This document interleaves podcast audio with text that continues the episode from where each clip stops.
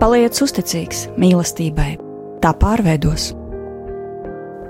Jēzus saka, mīliet cits citu. Paliec uzticīgs mīlestībai, tā pārveidos.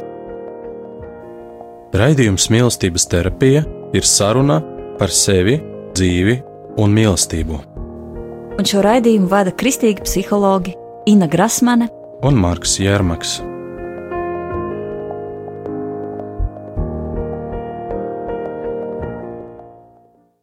Labvakar, mīļie radio klausītāji!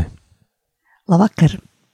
Mēs gribētu šodien parunāt par iztēli, par šādu cilvēkam dotu orgānu, dvēselisku orgānu un iztēles nozīmi tieši cilvēka atvesaļošanās procesā. Un es gribētu iesākt ar kādu stāstu par kādu sievieti, kurā slimoja ar smagu ādas slimību. Viņai bija bojāts liels laukums ādas, arī redzamās vietās, arī uz sejas. Tas, protams, bija ļoti sarežģīti, psiholoģiski sarežģīti sievietei. Šī sieviete nāca uz terapiju, un galvenais motīvs, kāpēc viņa nāca, bija ārstēt sevi un atrast tieši slimības somatiskos cēloņus, jo viņa bija sapratusi, ka šī slimība aktivizējās tieši brīžos, kad viņa vairāk ir nospriegota, ka ir, nu, kā ārsts saka, uz nervu pamata. Mēs strādājam ar šīs sievietes dažādajām spriedzēm, kas bija saistīts arī to, ka viņa neapzinājās savas personības robežas. Viņa nesaprata, kur sākas viņa, kur viņa beidzās, kur sākas otrs cilvēks. Viņai pat nebija tādas apziņas, līdz ar to viņa nepārtraukti pārkāpa cita cilvēka robežas, un viņa ļāva citiem pārkāpt savas robežas. Un tur bija ļoti tāds um, sarežģīts stāsts, kur radās daudz spriedzes viņai. Ādas slimības, starp citu, bieži signalizē tieši par robežu problēmām, jo āda tā ir mūsu robeža, tā ir mūsu fiziskā robeža. Ievainota āda bieži stāsta par kaut kādu deformāciju arī psihiskajās robežās. Tad, kad mēs strādājām ar šo arī ādas slimību, arī ar tieši visām šīm spriedzēm, bet arī, protams, vienmēr pieskārāmies šai slimības tēmai, Es kādā reizē šai sievietē palūdzu iedomāties, vai viņa var tā iztēlē iedomāties, kā viņa izskatīsies, kad viņas āda būs vesela. Vienkārši, lai viņa to iedomājās. Un, ziniet, viņa to nevarēja izdarīt. Tas nācās ļoti, ļoti grūti. Mēs tam veltījām vairākas terapeitiskas sesijas, lai viņa varētu vispār ieraudzīt, ka viņa var būt vesela, tik ļoti viņa robežas grūtības tā kā cilvēkam, viņi bija tik ļoti sauguši ar šo slimību, ka viņi pat savā iztēlē, šādā iztēles vienkāršā vingrinājumā nespēja ieraudzīt sevi veselu. Un šādi mēs varam saukt bieži vien ar savām problēmām, ar savām slimībām, liekas, ka tā ir mūsu identitāte, ka tas esmu es. Bet iztēle šajā gadījumā, šis iztēles vingrinājums, pie kura mēs atgriezāmies atkal un atkal, lēnām palīdzējis sievietei savu identitāti atdalīt no šīs slimības, ieraudzīt, ka viņa ir vesela, ieraudzīt savu veselo daļu, un kaut vai tikai iztēlē sākumā ieraudzīt arī savu ādu veselu. Bet šādā veidā cilvēka psihe darbojas ļoti spēcīgi. Cilvēks dod savai zemapziņai signālu, ka šī atvesļošanās ir iespējama. Un psihe arī seko šim signālam, šim virzienam, sāk darboties ticība, un tas ļoti pozitīvi ietekmē cilvēku veselību. Tātad iztēle stāv ļoti tuvu cilvēka ticībai. Iztēle palīdz stiprināties ticībā.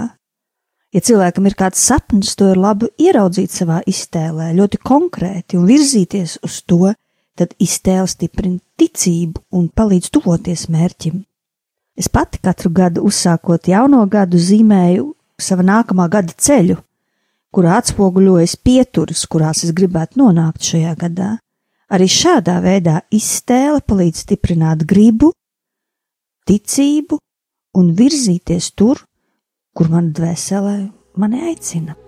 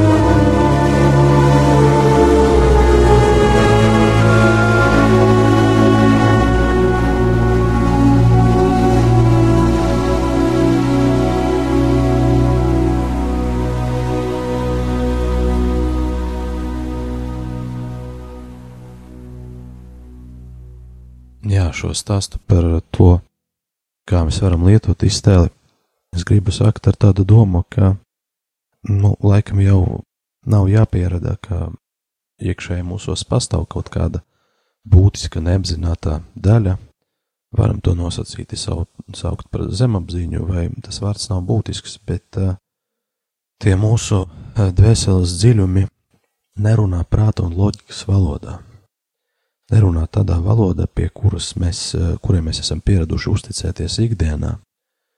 Un, eh, lai mēs spētu lietot šo savu iekšēju potenciālu un sakontaktēties ar šo zemapziņu un tās resursiem, mums ir vajadzīga cita valoda. Un šī valoda ir tēli, simboli, metafāras. Un iztēle ir tas instruments, kas mums eh, var palīdzēt šo simbolu, tēlu, metaforu spēku lietot. Kā mazajā princī Antoans de Saint-Exupéry raksta, pašu svarīgāko vārdos neizteiksi. Es tām pilnībā piekrītu. Un paskatieties, darbie klausītāji, kaut vai uz uh, baznīcas liturģiju. Jā, viens ir tas, ko mēs dzirdam vārdos, tajā valodā, teoloģiskās atziņās, bet cik būtisku lomu spēlē žesti un simboli. Ja mēs noņemtu žestus un simbolus un tikai klausītos, tam nebūtu tāds iespējas, vai ne? Mums tiešām ļoti spēcīgi iedarbojas simboli. Un iztēlē, kā jau teicu, ir veids, kā nodibināt kontaktu ar savu zemapziņu, ar kaut kādām atšķeltām dvēseles daļām, neatzītām dvēseles daļām kur mēs ar šo iztēles spēku varam saskarties. Pirmais, kas ir tāds acīm redzams, ir, protams, mūsu sapņi. Sapņos mūsu šī dvēseles neapzinātā daļa ļoti spēcīgi un mērķiecīgi runā uz mums simbolu valodā. Un uh, es tiešām esmu pārliecināts, ka katram sapnim vienmēr ir jēga un ir potenciāls, kas pamudina cilvēku uz izaugsmi un dziļāku pašizpratni. Tādēļ šis materiāls ir ļoti vērtīgs, tikai mēs bieži paši to noniecinam. Un, eh, piemēram, ja mēs atceramies kādu spilgtu sapni, tad eh, šīs sapnis sastāv no dažādiem tēliem. Mēs varam turpināt strādāt ar šo sapni, lai izprastu tā jēgu, to uzzīmējot, mēģinot to pārveidot, mēģinot saprast šo simbolu nozīmi, Mēs varam veidot to ar rokām no, no kaut kādiem dabiskiem materiāliem, piemēram, no mala, bet eh, mēs varam arī lietot savu iztēli. Mēs varam atkal iedomāties šī sapņa sižetu vai šī sapņa ainu un caur savu iztēli tā kā ieiet iekšā tajā sapņa sižetā. Kādēļ mēs varam to izdarīt? Tādēļ, ka mēs esam šī sapņa autori. Mēs ļoti bieži neesam kontaktā ar savu neapzināto daļu, tādēļ mums šķiet, ka sapnis atnāk kaut kur no ārpuses, bet parasti mēs paši esam šī sapņa autori, un kā filmas režisori mēs spējam ieiet tajā atpakaļ un izpētīt, kas tajā notiek. Vai citreiz cilvēki saka, o sapnis apraujas, un es nezinu, kāds bija iznākums, bija kaut kāds dramatisks sižets, un sapnis pēkšņi apraujas tad es pamudinu iztēloties šo sapni un paturpināt, kas tur veidojas tālāk, ja mēs ļautu mūsu fantāziju plūst brīvi, tekoši, kādi tēli veidojas tālāk, kā šis sapnis beidzas. Šādā veidā mēs varam paturpināt šo iekšējo darbu, kas var būt ļoti, ļoti vērtīgs. Un uh, tas otrais ceļš, kas ir pieejams mums katram, arī tiem, kuri neatceras savus sapņus, ir tā saucama aktīva iztēle. Tas ir tad, kad mēs no tādā ikdienišķā ritmā mēģinam lietot iztēli, piemēram, kā Inas pieminētajā gadījumā, lai ieraudzītu mērķi, piemēram, uz ko mēs gribam iet, lai dziļāk ieraudzītu savu problēmu. Ja kādam šķiet, ka tas, ko es stāstu, neiet kopā ar kristietību, vai nu, es saskaros ar šādiem uzskatiem laiku pa laikam, Tad, ja mēs paskatītos Ignācijāniskas meditācijas tradīciju, kura ir jau pāri pa 400 gadiem, ja nemaldos, tad taisni tur mēs redzam, cik spēcīgi iztēle tiek integrētā lūkšanā, kopā ar lūkšanu. Cilvēks tiek aicināts iztēloties, piemēram, svēto rakstu fragmentu, ieiet tajā, ieraudzīt savu vietu tajā, ieraudzīt sevi kā vienu no šī fragmenta personāžiem, identificēties ar, ar to, ko viņš tajā redz. Tā ir viena no daudzām meditāciju tradīcijām, kas pastāv baznīcā. Ir arī citas, kas tā kā pretojas iztēles lietošanai, bet ir arī šāda iespēja. Kā mēs varam to lietot ikdienā? Piemēram, cilvēks cieš no kaut kādas problēmas vai no kaut kāda simptoma vai no kaut kādām situācijām, kas atkārtojas, retraumatizē viņu, kas atkal un atkal ievaino. Mēs varam veltīt laiku tādai apcerē un uh, pieņemt lēmumu, ka mēs gribam ieraudzīt šo problēmu kaut kāda tēla veidā. Aizvērt acis, iet klusumā, ieaicināt Dievu šajā iekšējā darbā un paskatīties, kādus tēlus mums piespēlē mūsu fantāzija, mūsu tās iekšējais potenciāls. Šie tēli mums daudz ko var pastāstīt par to, kas ir šīs problēmas būtībā vai šī simptoma būtībā. Piemēram, kāds cilvēks nespēja sakārtot noteikta veida situāciju un nevarēja saprast, kas viņam traucē. Viņam bija jāpabeidz konkrētas attiecības, jāizbeidz, bet pietrūka spēka, un strādājot ar šo aktīvu iztēli, viņš neskapēc ieraudzīja ļoti spilgtu, tādu skaidru labsenes tēlu. Un, um, protams, aizverot acis, mēs varam daudzus tēlus redzēt, un tad jautājums, nu, kas no tā ir patiesa un, un kas no tā varbūt nav vērtīgs. Patiesa vienmēr ir tas, kas izraisa jūtas, ja? un viņam bija ļoti spēcīgas bailes no tās labsenes. Un vēlāk pārdomājot, kādēļ viņu biedē šīs labsenes tēls, viņš atklāja, ka tā, tas ir dzēlīgs, tikpat dzēlīgs kā viņa vainas sajūta. Tas, ko viņš pazīst ļoti sen, viņš saprata, ka lapsene ir viņa vainas sajūtas simbols šajā situācijā, un tas, kas viņu biedē, ka viņam bail izbeigt nekonstruktīvas, neproduktīvas attiecības tādēļ, ka otrs cilvēks viņu par to vainos. Kaut gan sirdsapziņa saka, ka tas ir jāizdara, un šis tēls viņam palīdzēja. Tas, ka viņš to ieraudzīja, šo ieraudzīja e, situāciju tieši tēlēnā veidā. Vai otrs variants, kāda sieviete, kuru mocīja mūrgie, kuros kāds viņu uzbruk, un tad caur aktīvu iztēli e, vēlāk viņa ieraudzīja, paturpinot šos sapņus, tā kā viņa ieraudzīja tādu melnu vilka tēlu, kas viņai uzbruk. Un pārdomājot, ko viņai varētu nozīmēt šis melnais vilks, viņa saprata, ka uh, tas ir dusmas, ko viņa nemāk izteikt, un ko viņai bail izteikt, tādēļ cilvēki viņu, viņu izmanto, Tādēļ viņa dusmojas pati uz sevi, un tādēļ rodas tie simptomi, kas viņai nepatīk. Tātad tēls citreiz runā daudz spilgtāk nekā loģikas valoda. Tātad, kā jau minēju, mēs varam zināt, ka šī aktīva iztēle tiek lietota pareizi, ja mūsos rodas jūtas, redzot šos tēlus. Ir cilvēki ar ļoti spēcīgu tēlēnu uztveri, kuri spēj arī sarunāties iztēlē ar šīm metaforām, ar šiem simboliem, kas tur rodās. Ja, kāds cilvēks piedzīvo ļoti spēcīgas bēdas un iedomājas tādu tumšu istabu, kurā stāv mazs puika un raut. Viņš saprot, ka šīs puika ir viņa dvēseles daļa, kas ir saistīta ar bērnības pieredzi. Šis iekšējais bērns, kas laiku pa laikam liek sevi pamanīt caur sāpēm, caur tādām bērnišķām reakcijām pieaugušo dzīvē. Un um, tam cilvēkam palīdzēja tas, ka viņš mēģināja pietuvināties tam raudošam puikam un uh, viņu samīļot. Un tas neizdevās no pirmās reizes. Tad cilvēks brīnās un saka, kāpēc man tas neizdodas, it kā nespēju tuvoties. Tā iztēle nestrāda tā, ka es spētu samīļot šo bērnu. Ļoti bieži ir tā, ka mēs esam tik dziļi nolieguši šo bērnišķo daļu mūsos, ka nemaz viegli nesanāk. Bet tad, kad mums izdodas, piemēram, samīļot, iepazīt, ieraudzīt šo tēlu, mēs gūstam daudz dziļāku izpratni par sevi pašiem. Vai kāds cits cilvēks, kurš ir sūdzējies par to, ka viņa draudzē, viņa denominācijā uzsver tādu, viņa prāt, nepatiesu dieva tēlu. Nē, jo detaļās var tikai teikt, ka šī aktīva iztēle viņam palīdzēja ieraudzīt, nu kāds ir dievs caur viņa dvēseles pieredzi. Ja?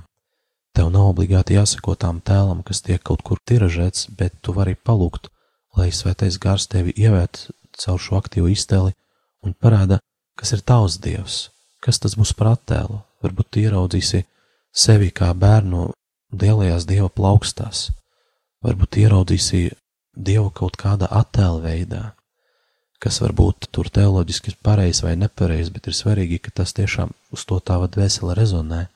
Un es teiktu, ka šī pieredze var būt ļoti vērtīga. Vēl viens piemērs, lai noslēgtu šo tādu teorētisko daļu, Roberts Džonsons, psihologs, apraksta, ka viņš ir cietis no murgiem, kas atkārtojas vairākas naktis pēc kārtas, un strādājot ar aktīvu iztēli caur šiem sapņiem, viņš ieraudzīja savu problēmu tāda puskrimināla jaunekļa tēlā. Tas viņu ļoti pārsteidz, tas bija kaut kas jauns priekš šī nobriedušā, inteliģentā, nopietna profesionāļā, kurš ir tik atbildīgs, nosvērts un, un pareizs, un viņš caur iztēli sarunājas, kādēļ tu pie manis atnāc, ko tu no manis gribi? Un tādā iekšējā dialoga veidā viņš saprata, ka viņš neatzīst to, ka viņā šīs huligāns dzīvo, mīt, un viņš lūdz kaut kādu savu vietu. Šie murgi izbeidzas kopš tā brīža, kad šīs cilvēks pieņema lēmumu divas stundas nedēļā pavadīt pludmalē, vērojot jaunekļus, kuri tur tusē, spēlē volejbolu, nezinu, ko tieši dara, bet būt tajā vidē, kas ir tik ļoti atšķirīga no tās vides nopietnās, tādas pareizās, pie kuras viņš ir pieradis. Ka viņš atrada vietu šai jaunekļa daļai savā sirdī un savā ikdienā, un tas nemērs mazinājās. Jā, tādēļ aktīva iztēle var būt palīdzoša. Tātad, eh, rezumēt to visu, ko es teicu, mums nav jāuztver tie mūsu simptomi kā problēma, bet drīzāk kā sarunu biedrs. Jā, ko tu man gribi pastāstīt? Es varu tevi iztēloties un iepazīt ne caur prātu, bet drīzāk caur intuīciju.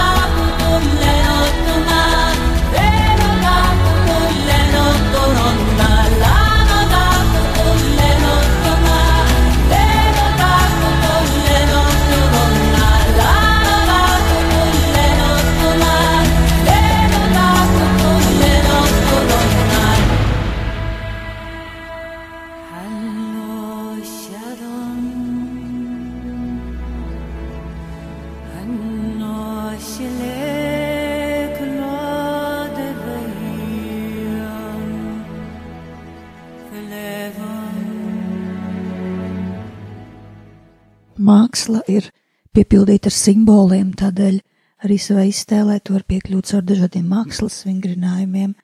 Šeit cilvēki ir eh, pieradināti arī pat zīmēt no galvas, tad es parasti cilvēkam saku, nu, ka tu ļauj rokai uzzīmēt. Ļaujies vienkārši šim procesam, un tu vari nonākt tādā punktā, ka tu esi pārsteigts par to, ko tā roka ir uzzīmējusi. E, var mēģināt uzzīmēt dažādus, gan savas galvas sāpes, gan arī, jā, kaut kādus strupceļus tādā simbolu veidā, un tas var e, palīdzēt ieraudzīt, paskatīties savu problēmu pavisam no cita skatu punkta. Ir ļoti dažādi iztēli, darbinoši vingrinājumi, kas var palīdzēt virzīties veselības un veiksmas virzienā. Vēl kāds eh, tieši simbola meklēšana, kas atspoguļo gan kaut kādu tavu iesprūdumu, vai tavas bailes, vai kādas citas tavas jūtas, kas tev traucē, vai kas tevi bloķē, ka tu meklē konkrētu, pavisam konkrēti noformulē šo lietu, kas tev traucē, un meklē tai simbolu atspoguļojumu. Man pašai bija tā, ka es arī es biju sapratusi, ka man pietrūkst kādas atslēgas, lai es atslēgtu kādas durvis, kas man palīdzēs, nu, uzzināt kaut ko vairāk par sevi, lai es varētu doties tālāk. Un es savā iztēlē šīs atslēgas biju pilnīgi skaidri ieraudzījusi. Es braucu uz depo un meklēju tieši tādu atslēgu, lai es viņu varētu nopirkt un kā simbolu atnest mājās, nolikt sev tādā redzamā, svarīgā vietā. Un šī atslēga ilgi darbojās manā dzīvē, ka es zināju, ka man tagad ir tā atslēga, man vienkārši tas durvis ir jāslēdz vaļā un tas atnesa ļoti daudz resursus. Man šāds viens mazs simbols, starp citu, depo veikals simbolu meklēšanai ir ļoti, ļoti labs, ja tur visu kaut ko var atrast.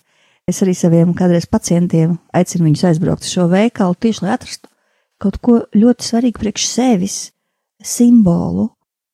Simbols ir atslēga. Simbols tas ir kaut kas, kas, caur ko tu vari nonākt tālāk. Un, ja tev izdodas atrast simbolu, kas raksturo tavas galvas sāpes, tad tu savu migrēnu var pastīties no malas, un tur tu vari ieraudzīt arī izēju, vai vismaz kādus pirmos soļus, kas um, ved izējas virzienā. Nu, lūk, tāpat tu vari arī zīmēt, protams, tu vari veidot no kāda veidojoša materiāla, tā kā uzrunā tev, tava dvēsele, kas tev ir tuvāk, Un paskatoties uz savām bildēm, uz šiem saviem veidojumiem no malas, tu atradīsi daudz jaunu ideju, kas tev palīdzēs, kas tev palīdzēs iet uz priekšu. Jā, man šķiet arī ļoti vērtīga atziņa ir taisni par to, ka, ja kāds simbols izraisa mūsos tādu īpašu rezonanci, tad ir svarīgi to arī uh, kaut kādā veidā iemiesot. Jā, tas varbūt arī savām rokām radīts, jā, tiešām var nopirkt tādu priekšmetu, kā piemēram šo atslēgu, vai kādu citu simbolu, kas eh, neskapēc šajā dzīves posmā mani īpaši uzrunā. Tas uh, var būt tāds veids, kā es varu arī uh, apējot tās prāta aizsardzības, kas mums ir tik smalkas un tik drošas, citreiz apējot šīs aizsardzības, kā es varu ieiet kontaktā ar šo intuitīvo daļu, ar šo no mūsu dvēseles spēku, ko nu, tiešām rietumu civilizācija mūsos apslāpē ļoti, ja, ka mēs tik, tik racionāli esam un neciešami racionāli.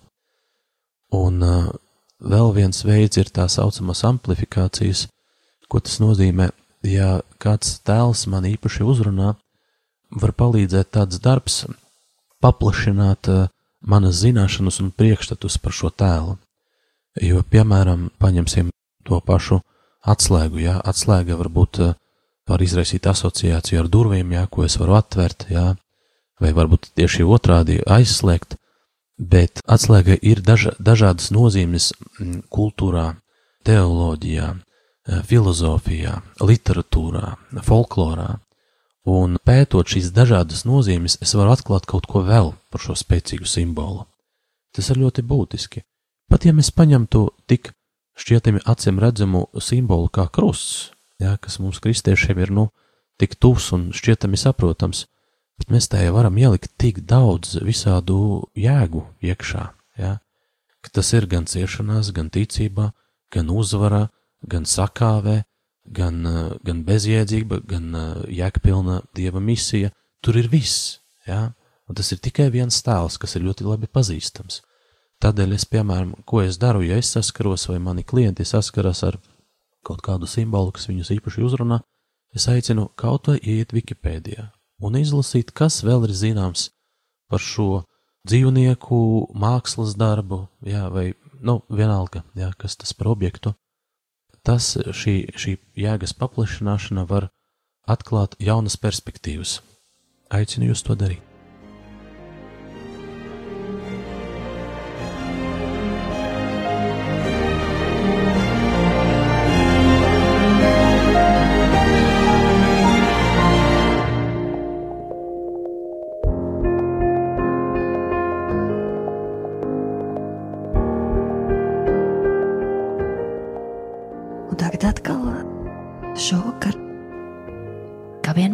Sagatavosim savu sirdi lūgšanai.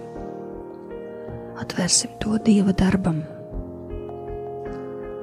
Mēs lūdzam, Kungs, ka Tu nāc ar savu radošo garu mūsos, lai šis gars ir dzīves, ka tas iedarbina eh, mūsu iztēli, mūsu redzējumu, mūsu izjūtu par svēto garu, kurš darbojās. Ļauj mums palikt atvērtiem, lai tavs gars turpina strādāt, lai tavs gars palīdz radīt simbolus, lai tavs gars palīdz lietot intuīciju, palīdz katram palikt pie tās problēmas, kas viņam ir jārisina, pie šī uzdevuma, kur tu viņam katram esi devis un viņi spēja paskatīties uz šo uzdevumu no citas skatu punkta, caur šo iztēli, caur intuīciju.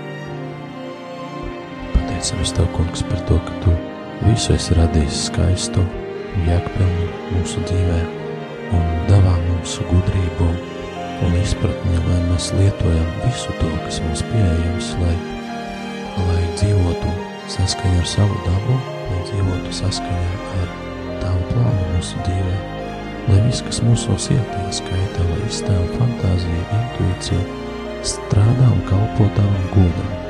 Māci mums, kungs, kā to lietot, parādīt, ka tās tiešām reāli darbojas, ka tas ir palīgi instruments. Mums tas nav jāuztver kā problēma, bet kā instruments, kas var mums palīdzēt. Mums, kungs, visu, kas ir šajā dzīvē lietot mūsu izaugsmē un uh, pastiprinot mūsu spēju mīlēt Tevi sevi, sevi un mūsu tuviniekus. To visu mēs lūdzam Jēzus Kristus Tava dēla vārdā. Amen! Jūs klausījāties raidījumu Mīlestības terapija. Raidījuma ieraksti pieejami internetā mīlestības māja.clv un tavā sirds.com.